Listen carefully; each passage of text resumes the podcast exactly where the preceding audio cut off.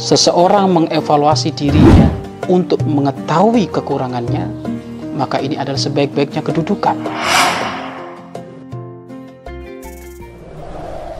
Ayo gabung program wakaf tanah dan bangunan Al-Bahjah Buyut. Hanya 200 ribu per meter. Bismillahirrahmanirrahim. Assalamualaikum warahmatullahi wabarakatuh. Alhamdulillah, alhamdulillahirabbil alamin. Wal akibatu lil muttaqin wala udwana illa 'alal zalimin. Wa sallallahu wa sallama ala imamil mursalin.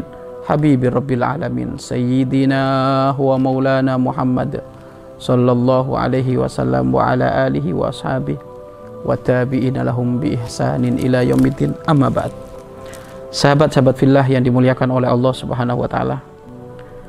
Jalan keluar sulitnya kehidupan jika urusanmu sulit dan kehidupanmu sempit maka bersedekahlah karena dengan itu Allah akan memudahkan urusanmu melapangkan dadamu dan melenyapkan kesusahanmu. Sahabat-sahabat fillah yang dimuliakan oleh Allah Subhanahu wa taala. Kehidupan kehidupan kita perputaran rodanya tidak luput dari kenikmatan dan kesempitan. Kesusahan dan kelapangan, kelapangan, kegundaan dan kegembiraan dua rasa ini tidak akan lepas dari kehidupan kita. Apakah itu orang kaya raya? Apakah itu orang melarat? Apakah orang yang berilmu, para alim ulama, para kiai, para habaib? Apakah itu pejabat? Maka tidak luput akan ada dua rasa ini. Kenikmatan dan kesenangan, kegundahan dan kelap, kegembiraan kesusahan dan kelapangan ini otomatis. Kapan orang banyak lapangnya, banyak gembiranya, khawatir. Nanti endingnya ternyata susah. Atau banyak susahnya, sulitnya, maka dari situ nanti akan banyak, akan ada kemudahan. Maka dari sini, bagaimana sikap kita kalau kita berada di wilayah kegundahan, kesumpekan, kesulitan, kehempitan? Apa yang kita lakukan? Mula-mula di saat kita berada di wilayah kesusahan, kegundahan, kesempitan, maka hendaknya memang kita bersabar. Bersabar.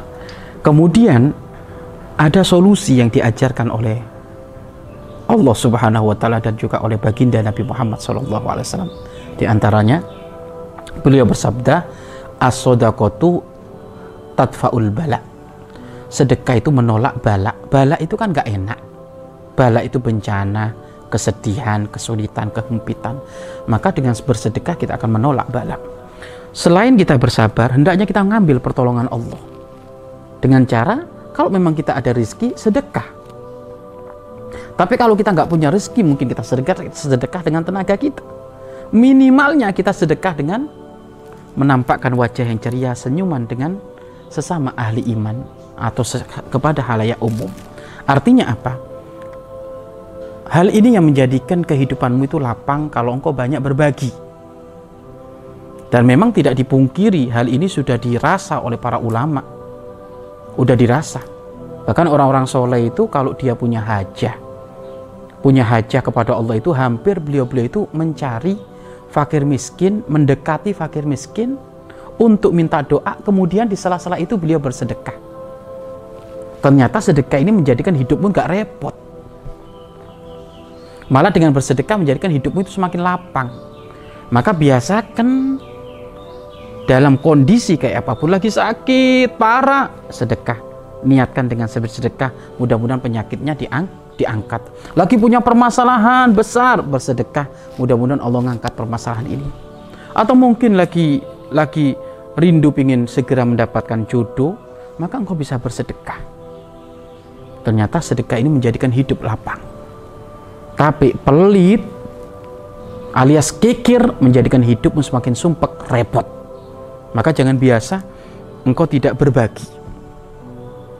Mula-mula kalau dipikir oleh logika kita nggak nyambung. Ada orang terhimpit urusan ekonomi. Tiba-tiba suruh bersedekah. Ya, itu logika kita, otak kita. Otak kita kan sempit. Tapi kalau secara hitung-hitungan Allah, kebesaran Allah, malah di situlah Allah akan mengundang pertolongan. Karena hakikatnya yang memberikan solusi bukan diri kita loh. Kita itu lemah. Yang ngasih solusi itu kan Allah, yang ngasih kemudahan itu adalah Allah. Maka undang pertolongan Allah dengan kau memperhatikan walaupun engkau dalam keadaan susah. Kalau engkau berbagi dalam keadaan lapang, ya wajar, oh, namanya lapang berbagi. Loh ini dalam keadaan susah kok berbagi, ini orang hebat ini. Dermawannya kelas pol itu. Lah dari situ akan mengundang pertolongan Allah Subhanahu wa taala. Maka siapa pun yang kehidupannya merasa terhimpit, merasa sedih, merasa gundah karena banyak permasalahan, maka selesaikan, buka pintunya kemudahan itu semuanya dengan kau berbagi, sedekah. Cari fakir miskin di kampungmu, kasih itu. Bahkan kalau perlu dijatah setiap bulan engkau akan dapat kemudahan. Kemudian, kapan orang orang sudah memikirkan orang banyak di dalam nafkahnya, maka tentu Allah akan memberikan kebut, memberikan solusi yang banyak, akan memberikan rezeki yang banyak karena dia memikir orang yang banyak.